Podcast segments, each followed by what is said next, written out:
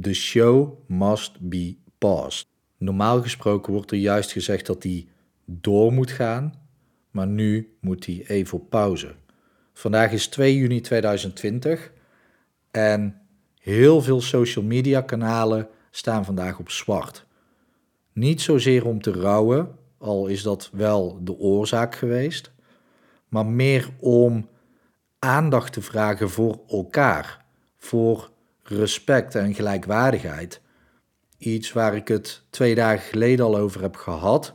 En ik prefereer dan toch echt wel All Lives Matter in plaats van daar één groep uit te pakken. En ja, ik heb ook de tegens gelezen die er tegen zijn om All Lives Matter te gebruiken, omdat er nu even aandacht voor één specifieke groep wordt gevraagd. Echter is mij, mijn probleem daarmee niet dat alle andere levens vergeten worden, daar gaat het niet om. Het gaat erom dat er ook als je op een positieve manier één groep eruit pikt, dat dat ook zorgt voor verdeeldheid en zorgt er voor focus op die ene groep. Terwijl, ja, ik leg al zo vaak uit dat dat vanwege hokjesdenken juist averechts zou kunnen werken. Ik doe er toch aan mee vandaag vanuit respect voor de boodschap. De manier waarop vind ik onhandig, maar het gaat om de intentie van de boodschap. En de intentie van de boodschap is: heb respect voor elkaar en behandel elkaar zoals je zelf behandeld zou willen worden. Het lastige daarvan blijft altijd dat, en dat zei ik twee dagen terug ook al, jij zal jouw eigen vader of broer of zus op een andere manier behandelen dan een vreemd iemand uit Friesland, Groningen of Limburg, ik noem maar iets. Misschien woon je daar wel en denk jij, ja, ik zou jou, Paul, dus precies totaal anders behandelen dan mijn vader. Wat natuurlijk helemaal klopt. Dus het is een lastig ding om iedereen op dezelfde manier te behandelen. Maar op het moment dat je ervan uitgaat dat je een ander behandelt zoals je zelf graag behandeld zou willen worden, niet zoals je wordt, maar zou willen worden, dan, dan kunnen we gewoon nader tot elkaar komen. Ik heb vandaag deze post ook al op Instagram gedeeld en daar kreeg ik ook een reactie onder van iemand die zei: Oh, op het moment dat jij nu vandaag een zwarte foto plaatst, dat betekent dus dat jij alle andere dingen die er gebeuren in de wereld, hij noemde daar één ander ding, maar dat kan je dus op alles trekken, alle andere dingen die gebeuren in de wereld, minder belangrijk vindt. Want anders zou je morgen weer een zwart plaatje op Instagram plaatsen, om dan weer aandacht te vragen voor iets anders. Naar mijn idee is dit vandaag juist een teken dat iedereen er voor elkaar wil zijn. Dat we verbroederen of verzusteren, hoe je het noemen wil. Het maakt niet uit. Dat we samen zijn, dat we samen staan voor elkaar. Dat we er voor elkaar zijn, maar ook vooral dat we naar elkaar luisteren. Normaal gesproken, als ik een minder leuke reactie krijg op iets, of ik ga um, daar wel op reageren, maar als ik echt een negatieve reactie krijg, die eigenlijk dus niet reageert op wat ik heb geschreven, wat nu ook het geval was, want diegene had niet gelezen wat ik erbij had geschreven. Maar ik vind dat juist, in, juist vandaag moeten we open, openstaan voor elkaars mening. Moeten we openstaan voor wat de ander te zeggen heeft. Want blijkbaar was diegene, voelde diegene zich gekwetst omdat ik vandaag een zwart plaatje, pla, plaatje plaats. En ook die mening, daar wil ik ook naar luisteren. Ik geloof zeer sterk in vrijheid van meningsuiting. En ik geloof zeer sterk dat we tegen geweld moeten zijn. En dat is denk ik de enige grens die we daadwerkelijk kunnen, kunnen voeren, mits we daarnaast gewoon iedereen behandelen zoals we zelf behandeld zouden willen worden. Dus een vrijheid van meningsuiting hoeft ook niet met uh, scheldpartijen en hoeft ook niet met alleen maar dom te zeggen: ik ben het daar niet mee eens, want zo ben ik niet. Nee, op het moment als je met elkaar praat, probeer, elkaar te begrijpen en naar elkaar te luisteren. En ik vind de boodschap die we vandaag de wereld insturen, vind ik zeer krachtig. Vooral vanuit de artiestencommunity. Uh, The show must be paused. Vind ik een heel krachtig statement. Want die overstijgt eigenlijk alles. Ehm, dat, daarbij wordt er niet in hokjes gedacht. Daarbij wordt er gewoon gezegd: tot hier voor vandaag, even niet verder. En morgen gaan we gewoon weer een nieuwe toekomst in. Morgen is weer een nieuwe vrije dag. En het feit dat jij naar deze podcast kunt luisteren, betekent dat je vrij bent. En er zijn mensen in Nederland die, die hebben dat niet altijd meegemaakt, of soms nog steeds niet. En jij kan er daar één van zijn, zonder dat we het dus over jouw hokje eventueel hebben. Ik heb bijvoorbeeld meegemaakt dat ik samen met een collega. Hij, hij is DJ nog steeds en ik, uh, ik was toen ook nog DJ. En wij kwamen aan bij een locatie waarbij we allebei moesten draaien, oftewel werken. We waren ingehuurd door de opdrachtgever. En ik liep naar binnen en hij werd geweigerd, terwijl hij daar moest werken. Hem werd de toegang ontzegd vanwege zijn uiterlijk, terwijl hij daar kwam werken. Hoe zou jij dat vinden als jij bij je werk aankomt en je wordt door de beveiliging buiten gehouden vanwege hoe dat je eruit ziet? En natuurlijk kan je daar nu nuances in gaan bedenken, maar ga er maar vanuit dat we er beide verzorgd uitzagen.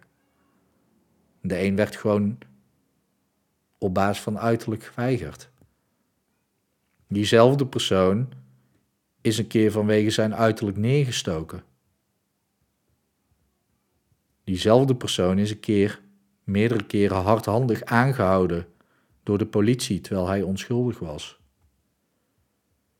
Ik liep samen met hem en iets wat mij alleen of met anderen nog nooit is overkomen, overkwam me met hem wel. We werden achterna gezeten door een groep die zeer agressief gedrag vertoonde. En ze riep ook dingen die met zijn uiterlijk te maken hadden. Met die collega van mij collega en vriend, uiteraard. Dit zijn dan vier voorbeelden vanuit één iemands leven. En niet eens van heel zijn leven, maar van een aantal jaren. Wat doet dat met je op het moment als dat jaar in jaar uit gebeurt? En niet altijd op zo'n grote schaal, maar ook op veel kleinere schaal. Maar als je die dingen op grote schaal hebt meegemaakt, dan zijn die kleinere dingen, die komen ook gewoon aan als mokerslagen. Het gaat echt in je huid zitten, gaat in heel je systeem zitten. En als je dan ook een familie hebt die dat ook meemaakt, dan wordt dat uitvergroot. Ga maar na op het moment als er iets speelt, als er iets negatiefs is gebeurd binnen jouw vriendenkring of binnen jouw familie, en iemand anders maakt dat ook mee, dan wordt er, gaat dat in het DNA van het systeem zitten. Dat doet veel met, uh, met de mens. En zie dan nog maar eens positief te blijven.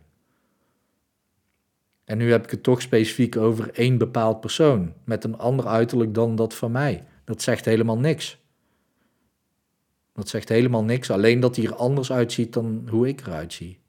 En dat hij op basis daarvan heftige, heftigere dingen heeft meegemaakt, wat dat betreft, dan ik. En het enige wat we dan kunnen doen is naar zo'n persoon luisteren. En proberen die persoon te begrijpen. Helemaal begrijpen doe je nooit. Maar je kan wel je best doen om de andere persoon te begrijpen. Helemaal gaat, gaat nooit lukken, want elk, elke ervaring van elke persoon is anders. Je kan dezelfde dingen beleven, maar iedereen ervaart het anders. Ook al geef je er dezelfde woorden aan, dan ervaar je het nog steeds anders. Laat staan als je er anders uitziet en dus al heel je leven op bepaalde dingen gewoon anders behandeld wordt. Ook positief, hè? Want ook dat helpt mee, draagt bij aan dat iemand zich anders voelt. En op het moment dat je je anders, anders voelt, ga je ook anders gedragen. En dan doen bepaalde dingen je ook meer dan, dan andere dingen. En deze boodschap vind ik belangrijk, omdat ik me soms niet besef hoe. Of ik kan me, ik kan ook gewoon niet 100% beseffen hoe iemand anders zich voelt. Ook als ik een cliënt in de stoel heb, ik kan 100 cliënten in de stoel hebben die een soortgelijke ervaring hebben beleefd, maar ik kan niet bij al die honderd mensen dezelfde techniek op dezelfde manier toepassen. Ik maak wel vaak gebruik van dezelfde technieken, maar wel altijd op basis van het gesprek met die persoon. En ik wilde juist voor waken, ik moet ervoor waken, dat ik ze niet allemaal in hetzelfde hokje zet. Want zet ik hen al allemaal in hetzelfde hokje, dan kan ik er wel eens naast gaan zitten als ik ze help. Ik kan ze alleen maar begeleiden en zij moeten zichzelf helpen omdat zij de enige zijn die die ervaring bij zich dragen. 100%. Jij bent de enige die jouzelf snapt of kan snappen.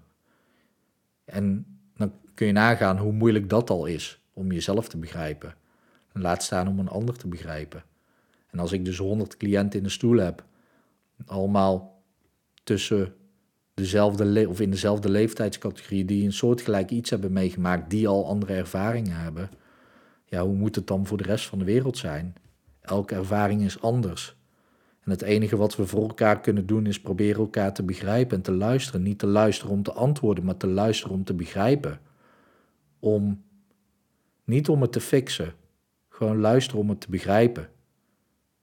Ook niet te gaan verzorgen, luisteren om te begrijpen. En dat is zeer lastig voor ons, want heb je veel vrouwelijke energie in je dan wil je diegene graag gaan verzorgen. En heb je veel mannelijke energie, dan wil je het probleem fixen. Het enige wat je kan doen is begrijpen en luisteren en er voor die persoon zijn. En dan stukje bij beetje, dan zal diegene zich ook begrepen voelen. En dan kan dat onderhuidse gevoel ook gaan verdwijnen. Belangrijke dingen om dit soort of het is belangrijk om dit soort dingen te blijven herinneren. Ook voor mij. Ik hou me heel vaak bezig met patronen en systemen, omdat op basis daarvan ik wel makkelijker deze artikelen kan schrijven en podcasts op kan nemen. Dat doe ik omdat ik een systeem ontrafel en dan, en dan daarvan een, een vraag stel die jou verder op weg kan helpen. Of je een inzicht geeft, geef die je verder op weg kan helpen. In ieder geval iets om over na te denken. Tenminste, dat hoop ik dan. Dat is het enige wat ik kan doen, maar ik kan niet one size fits all ding maken. Laat staan dat, dat er een one, one story to all is. Elk verhaal is anders, elk persoon is uniek, dus elk verhaal wat diegene vertelt en ervaart is gewoon anders. En het is super belangrijk om je dat altijd te blijven beseffen.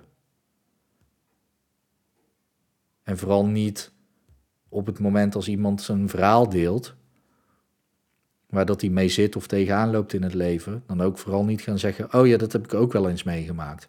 Ook al heb je exact hetzelfde meegemaakt, de ervaring is totaal anders. En diegene vertelt het niet, in eerste instantie niet om iemand te vinden die het ook heeft meegemaakt, al is dat soms fijn. Maar dan heb je twee mensen met eenzelfde probleem. Het is veel fijner als iemand gewoon zijn of haar verhaal kan doen en dat je daarnaar luistert. Gewoon even stil zijn en luisteren. Knikken en als je het niet begrijpt, doorvragen.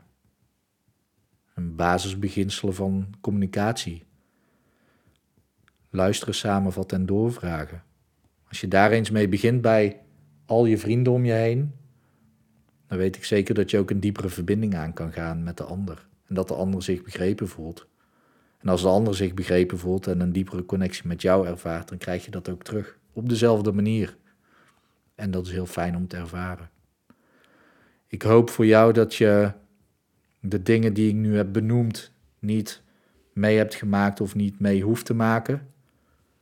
Als je ze wel hebt meegemaakt, dan ja, zoek mensen op die wel naar je luisteren, die jou proberen te begrijpen, die er voor je zijn op die manier. En mocht je hierover willen praten met mij, dan kan je me altijd een mail sturen naar patronen.palvet.com. En ik hoop natuurlijk dat het goed met je gaat. Ik hoop ook dat het goed gaat met dierbaren van je. En ik wens je ook nog een hele mooie dag toe.